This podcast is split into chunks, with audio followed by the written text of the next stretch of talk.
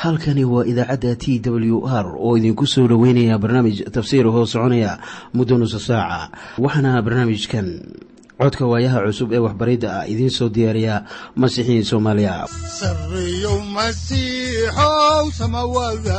Guudow siraadkii adduunkow subanaha eebow sareyow masiixow samawadaha guudow siraadkii adduunkow subanaha eebow adigoo samaada jiro ifkaan soo saldhiganba adigoo samaada jiro ifkaan soo saldhiganba kutubtiisanaaye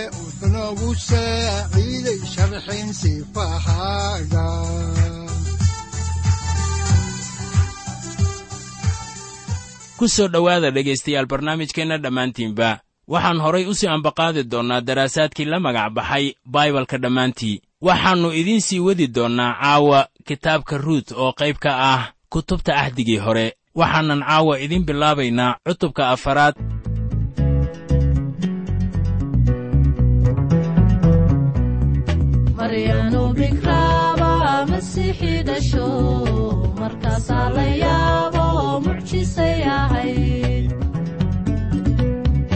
iyadoo rag moogbay malaa'ig salaanto markaasay uruudu mucjisay ahayd maryanu bikraaba masiixii dhasho markaasaa la yaabo mucjisay ahayd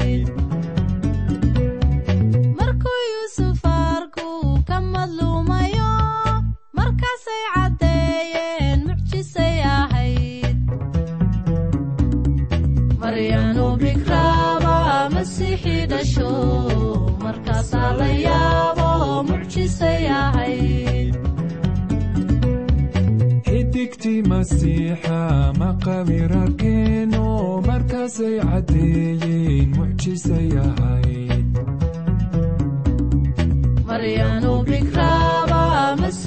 dhasho markaasaa la yaabo ahayd boqorkii maqlayba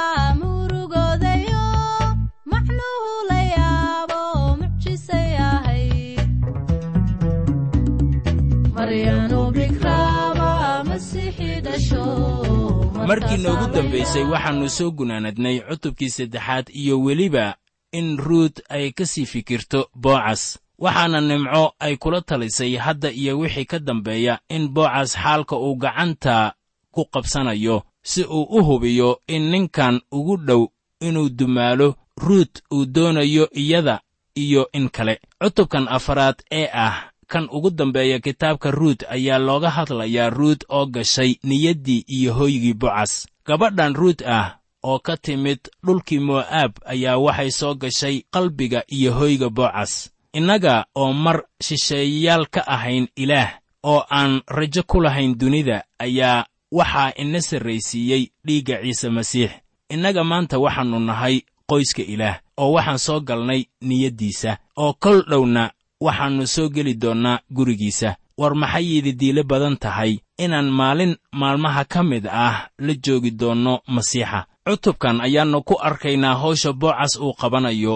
Gees buu wakhti dheer u taagnaa laakiin maadaama ruut ay calmatay isaga waxay ka dalbatay inuu dumaalo si xorriyad leh ayuu taasi ugu howlgelayaa masiixana xorriyad uu noloshaada wax uga sameeyo ma lahan ilaa aad sheegato isaga inuu yahay xigtabixiyahaaga ciise masiix adiga ayuu iskutallaabta kugu dhintay. Wuxuuna dhib u maray adiga aawada oo weliba maanta wuxuu taagan yahay albaabka ama ilinka niyaddaada oo wuxuu kugu leeyahay sida ku qoran kitaabka muujintii cutubka saddexaad aayadda labaatanaad sida tan.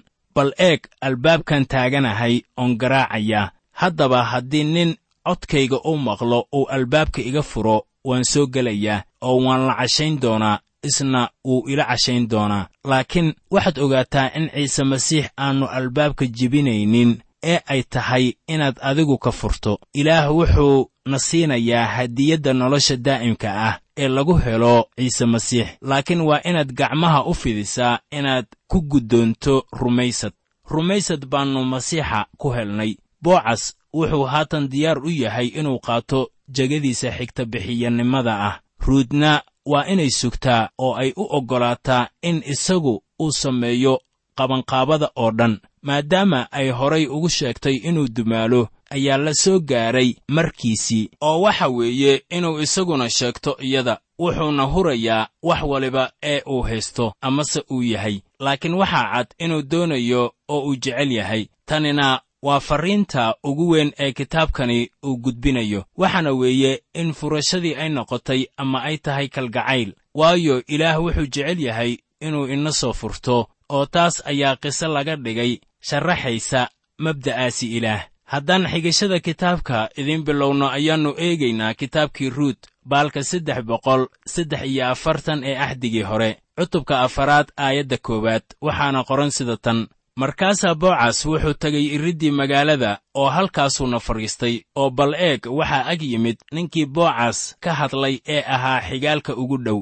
Markaasuu wuxuu ku yidhi war hebelow soo leexo oo balkaalay halkan fadhiiso. Kolkaasuu soo leexday uu fadhiistay. Haddaba boocas wuxuu aaday irdaha magaalada. Muxuu haddaba halkaasi u aaday? Wuxuu u aaday waxa weeye baryihii hore dadkii degganaa magaalooyinka deyrka leh waxay ku kulmi jireen halka laga soo galo. Qof waliba halkaas baa aad ka helaysaa oo haddii aad gar qabto odayaashii oo dhan meeshaasay joogi jireen. Dadku waxay ku noolaayeen caasimado gidaar lagu wareejiyey. Qof walibana wuu doonayaa inuu caasimadahaasi oo kale degganaado marka guryaha magaalada aad bay isugu dhegganaanayaan dariikhyaduna waa cidhiiri magaalada yeruusaalem haddii aad tagto waxaad arkaysaa in dariikhyadu ayan waaweyneen waxaa kaloo la mid ah beytlaxam boocas wuxuu baadigoobayaa haatan ninkii dumaasha ruut lahaa. Waxay u muuqataa ninkan ugu dhow inuu adeer ugu aadanaa ninkii ruut. Marka waxay u muuqanaysaa haddii uu doonayo ruut inuu ku darsado mid ka mid ah wiilashiisa. Waxaa kaloo suuragal ah in ninkan uu ahaa ina adeerka koowaad ee ninkii ruut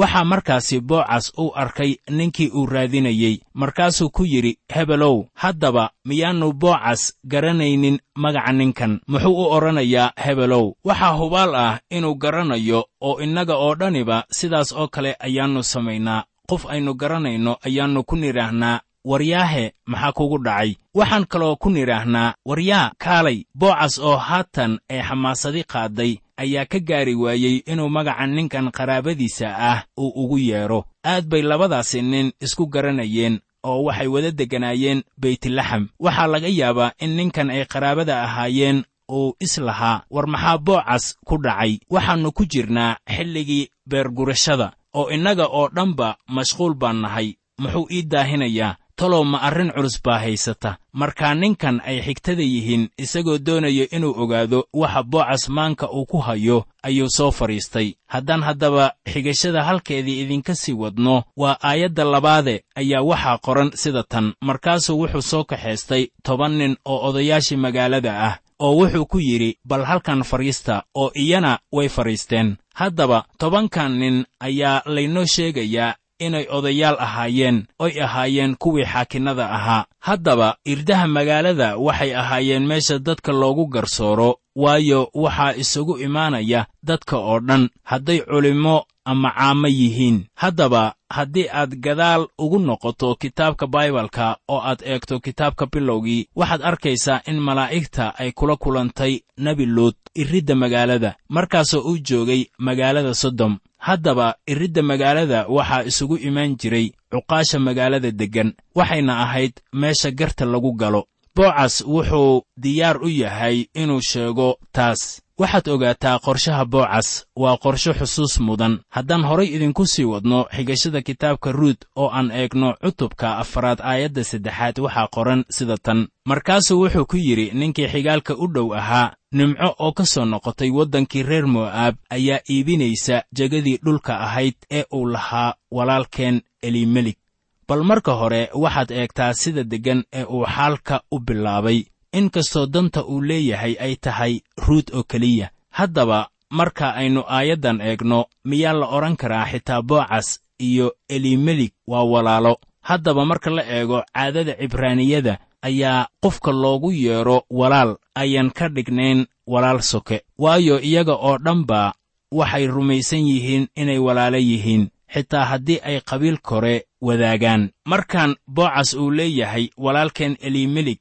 ayaa loo qaadan karaa inuu ka wado xigtadayda. Sida muuqata xidhiirka labadaasi nin ay la lahaayeen elimelik wuu kala duwanaa. Waxaa laga yaabaa in mid ay ilma adeer soka ahaayeen midna ilma adeer labaad. Waxaase hubaal ah inuu ninkan garta loo qabo u dhow yahay elimelik wuxuu u sheegay in xaajadu ay ku saabsan tahay dhulkii elimelik waxaa markaasi jira qaynuun ku saabsan hantida iyo sida xigta bixiyaha uu ugu furanayo hantida walaalkiis. Sharciganina wuxuu dhaqangal noqonayaa markii qof hantidiisa ay gasho qof kale gacantii iyadoo ay ugu wacan tahay marxalado kala duwan. Markii ay sidaan tahay nimco ayaa iyada iyo qoyskeediiba ay ka tageen dhulka wakhti abaari ay dhacday. Waxaanay u muuqataa inay dhulkoodii iibiyeen waxaana qasab ku ah inay sugto ilaa laga gaarayo sannad kontomaadka laakiin iminka maxaa dhacaya? Miyaa xigta bixiye uu soo dhex gelayaa hawsha? Boocas wuxuu dareenka ninkan ay qaraabada dhow yihiin elimelik u soo leexinayaa xaalkan laakiin dooni maayo inuu wax kaga taabto ruut. Wuxuu doonayaa inuu ogaado haddii xigta bixiyahan hodanka ah uu hantida ku soo furanayo iyo haddii kale. Waxaan u malaynayaa intaasu ay tahay tillaabo macquul ah. Hantida waa in la soo furtaa ka hor intaan qofka la furanin. Boocasna wuxuu leeyahay sida ku qoran kitaabkii ruut cutubka afaraad aayadda afaraad sida tan oo waxay ila noqotay inaan ku ogaysiiyo inaad ku iibsato kuwa halkan fadhiya iyo odayaasha dadkayaga hortooda haddaad doonaysid inaad iibsatid iibso laakiinse haddaanad doonaynin inaad iibsatid ii sheeg aan ogaadee waayo nin kaaga dhow oo iibsanaya ma jiro oo anna adigan kaa dambeeyaa isna wuxuu yidhi waan iibsanayaa. Markaan dhanka kale ka eegno boocaas wuxuu ninkan siinayaa mudnaanta uu lahaa ee ah in ninkan qaraabada soke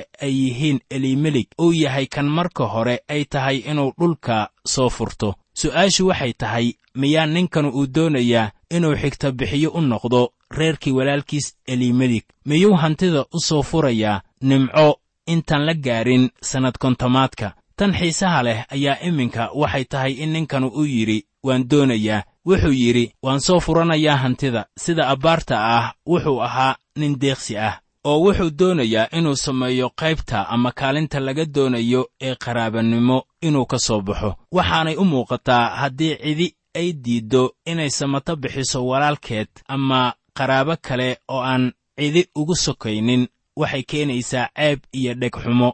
Qofkaasina bulshada magac ku lahaan maayo miyaanay kula ahayn markii ninkii kale ee ugu dhowaa boocas dumaasha uu yidhi waan iibsanayaa dhulka inay taasi boocas ka nixisay. Laakiin boocas ma ahan nin ciyaar uga haraya laakiin wax waliba wuu filanayaa oo wuxuu diyaar u yahay inuu haatan xaaladda oo dhan bannaanka keeno. Ou muujiyo in dhulkani uu ku xidhan yahay shay kale. Haddaan horay idinku sii wadno xigashada ruut ayaa waxaa ku qoran cutubka afaraad aayadda shanaad sida tan markaasaa boocas wuxuu yidhi maalintii aad nimco gacanteeda beerta ka iibsatid waa inaad ruutii reer mo'aabna ka iibsataa taasoo ah naagtii kii dhintay. Inaad kii dhintay magaciisii ku soo celisid dhulka dhaxalkiisa ahaa. Waxay u muuqanaysaa sida in boocas uu leeyahay war wax baan idinka iloobay waxaana weeye in shay kale lagu xidhay dhulka. Waana jidgooyo ay tahay inaad ka gudubto. Sidaad og tihiinba waxaa jirta gabar reer mo'aab ah oo ruut la yidhaahdo oo dhulka qaadanaysa marka la iibsado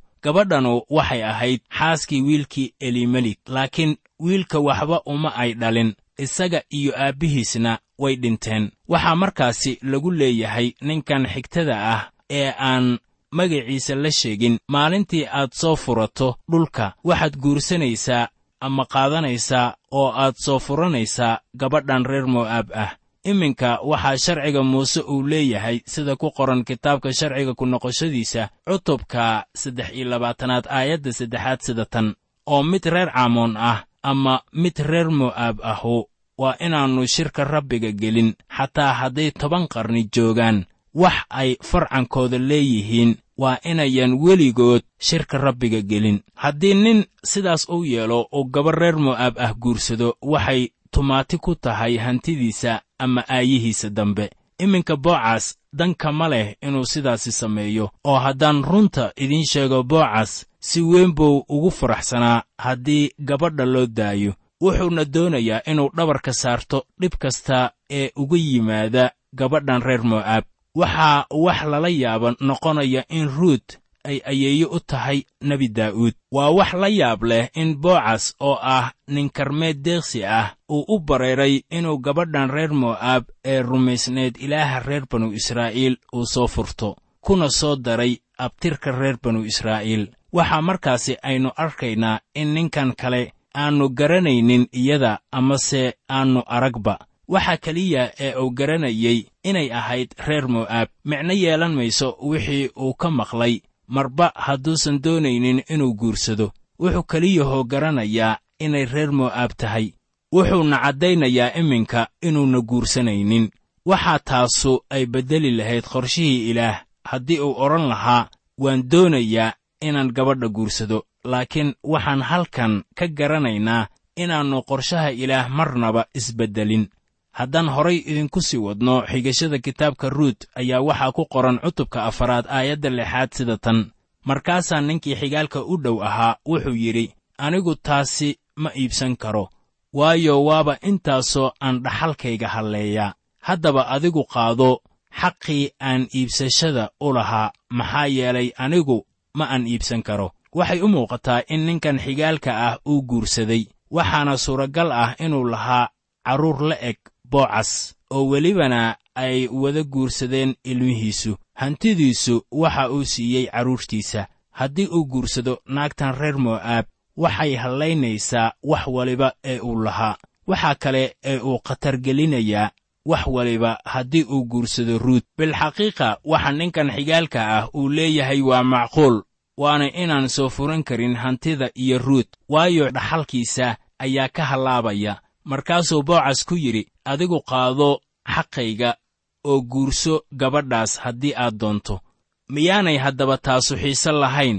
Waxay ahayd nin waliba ee qaata naagtan reer mo'aab inuu noqonayo kan awowaha u noqonaya boqor daa'uud.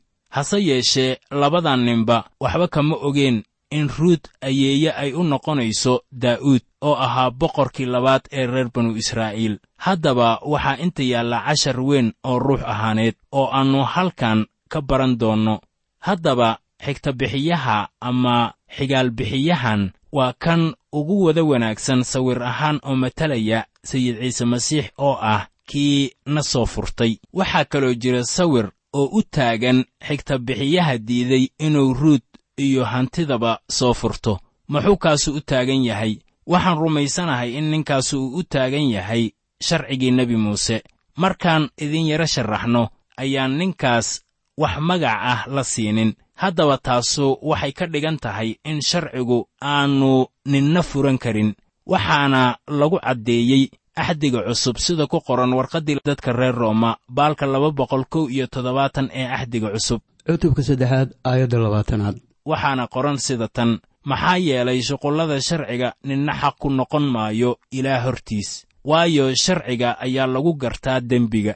Sharciga ninna looma siinin inuu badbaadiyo ama uu soo furto laakiin sharcigu wuxuu muujiyaa xaaladda dhabta ah. Waxaana labadaasi arrimoodba uu bawlos ugu yeerayaa adeegidda xukunka iyo adeegidda dhimashada. Waxaan ku soo koobaynaa arrinkan sharcigu inaannu waxba badbaadin haddaba maanta waxaan u baahannahay xigta bixiye ina jecel oo aan doonayn oo keliya inuu wax waliba lumiyo. Laakiin noloshiisii ina siiyey markii uu qaatay booskeenna. Wuxuu bixiyey ciqaab daran wuxuuna ku dhintay iskutallaabta dusheeda markaasoo uu doonayey inuu bixiyo dembiyadeenna. Marka si looga dhigo in wax waliba la waafajiyo sida sharciga uu leeyahay ayaa waxaa loo baahan yahay in la raaco mariin aan caadi ahayn. Haddaan xaalkaasi ka akhrinno kitaabka oo aan eegno kitaabka ruut cutubka afaraad aayadda toddobaad ayaa waxaa qoran sida tan. Oo haddaba waagii hore reer banu israa'iil dhexdooda caadadii ku saabsanayd kala iibsashada iyo kala beddelashada waxay ahayd in nin kabtiisa uu iska siibo oo uu deriskiisa u dhiibo in wax walba la sii adkeeyo aawadeed. Taasu waxay reer banu israa'iil u ahayd sida loo markhaati furo haddaba waxaan sharciga kitaabka sharciga ku noqoshadiisa cutubka shan iyo labaatanaad ku soo aragnay in la yidhi naagtu waa inay kabtiisa siibtaa oo ay wejiga candhuuf uga tuftaa. Waxaan markaasi ku faraxsanahay in boocas aannu candhuuf ku tufin laakiin wuxuu ka qaaday kabihiisa oo boocas wuxuu qaatay kaalintii ay ruut lahayd. Waxaan markaasi garanaynaa in injiilka uun uu kaba gelinayo cagaheenna sida ku qoran warqaddii reer efesos cutubka lixaad aayadda shan iyo tobanaad oo cagahaanna gashan isu diyaarinta injiilka nabadda. Sharcigii hore wuu cagacad yahay oo ninna ma badbaadin karo adiga oo dhan kuma badbaadin karo. Haddaan horay idinku sii wadno xigashada kitaabka oo aan eegno cutubka afaraad aayadaha siddeed ilaa laba iyo toban waxaa qoran sida tan. Sidaas daraaddeed ninkii xigaalka u dhow ahaa wuxuu boocas ku yidhi adigu soo iibso markaasuu kabtiisii iska siibay. Markaasaa boocas wuxuu ku yidhi odayaashii iyo dadkii oo dhanba bal idinku maanta markhaatiyaal baad ka tihiin inaan nimco gacanteeda ka iibsaday kulli wixii eliimilig lahaa oo dhan iyo kulli wixii kolyoon iyo maxloon ay lahaayeen oo dhan oo weli ruut tii reer mo'aab oo ahayd naagtii maxloonna waxaan u iibsaday inay naagtaydii ahaato ee aan kii dhintay magaciisii u soo celiyo. Dhulkii uu dhaxalka u lahaa si uusan kii dhintay magaciisii uga go'in walaalkiis dhexdooda iyo iriddii meeshiisa idinku markhaatiyaal baad ka tihiin. Markaasaa dadkii iridda joogay oo dhan iyo odayaashiiba waxay yidhaahdeen markhaatiyaal baannu ka nahay. Naagta gurigaaga soo gasho. Rabbigu ha ka dhigo sidii raaxeel iyo lee ah. Labadaas oo ahaa kuwii dhisay reerkii israa'iil oo adna efratahay ku barwaaqow beytlaxamna caan ku ahow oo farcanka rabbigu kaa siin doono naagtan dhallinta yar reerkaagu ha ku noqdo sidii reerkii feres. Kaasoo ah tii taamaar ay u dhashay yuhuudda. Waxaan arkaynaa in ducadan reer banu israa'iil la aqbalay waayo waxaannu garanaynaa in reerkii daa'uud ay yihiin kuwa ugu magac weyn leh reer banu israa'iil dhexdooda. Haddaba waa inaannu dadaal dheeraad ah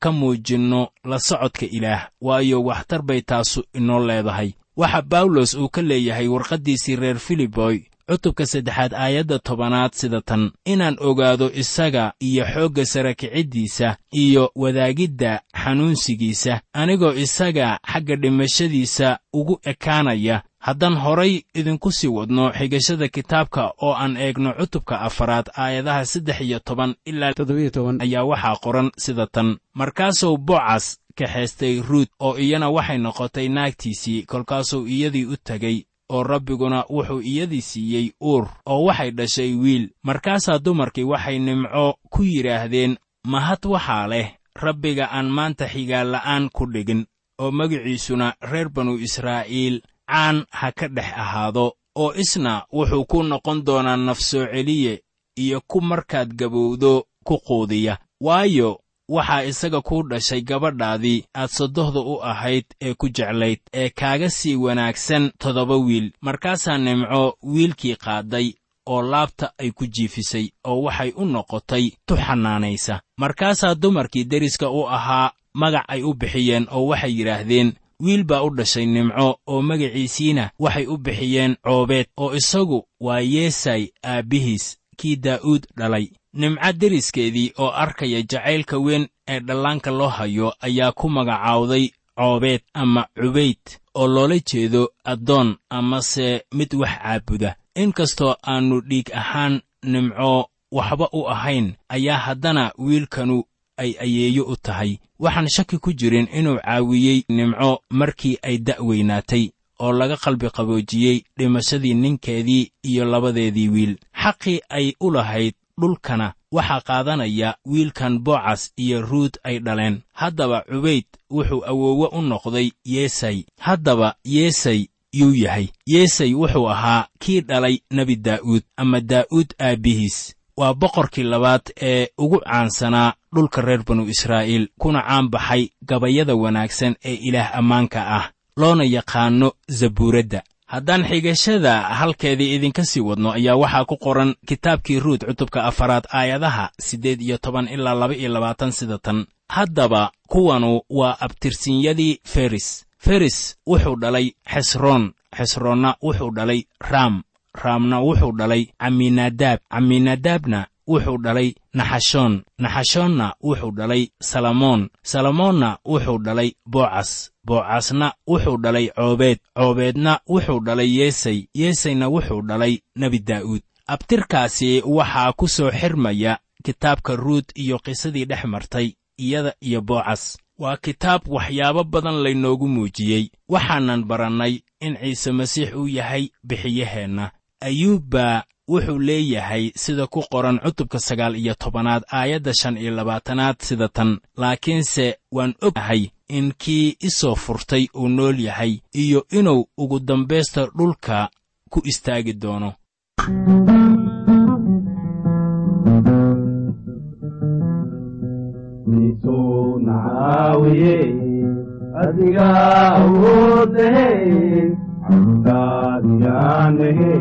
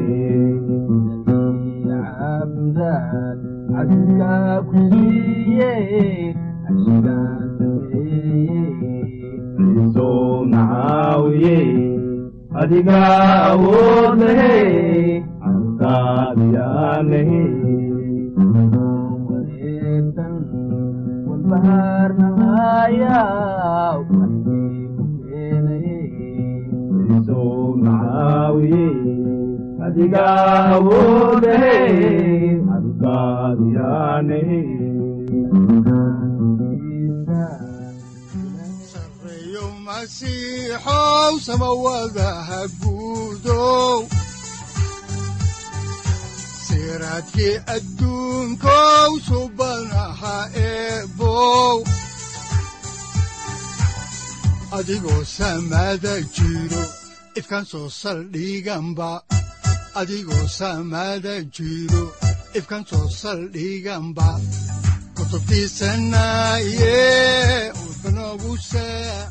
halkani waa t w r idaacadda t w r oo idinku leh ilaa ha idin barakeeyo oo ha idinku anfaco wixii aad caawi ka maqasheen barnaamijka. Waxaa barnaamijkan oo kalea aad ka maqli doontaan habeen dambe hadahan oo kale haddiise aad doonaysaan in aad fikirkiina ka dhiibataan wixii aad caawi maqasheen ayaad nagala soo xiriiri kartaan som t w r at t w r c o k e haddii aad doonaysaan in aad dejiisataan oo kaydsataan barnaamijka ama aad mar kale dhegaysataan fadlan mar kale booqo www t w r o r g amase www t t b t w r o r g. Amase waxaad teleefoonkaaga ku kaydsataa ama ku download garaysataa agabyada ku sahli karaa dhegeysiga t w r haddii aad doonayso in laga kaalmeeyo dhinacyada fahamka kitaabka amase aad u baahan tahay duco fadlan fariimahaaga soo mari bogga aaraahda ama kommentska inana jawaab degdeg ah ayaanu ku soo diri doonaa amase ku siin wihiyow saacadda timid dhulka sabada ku dhalatiyo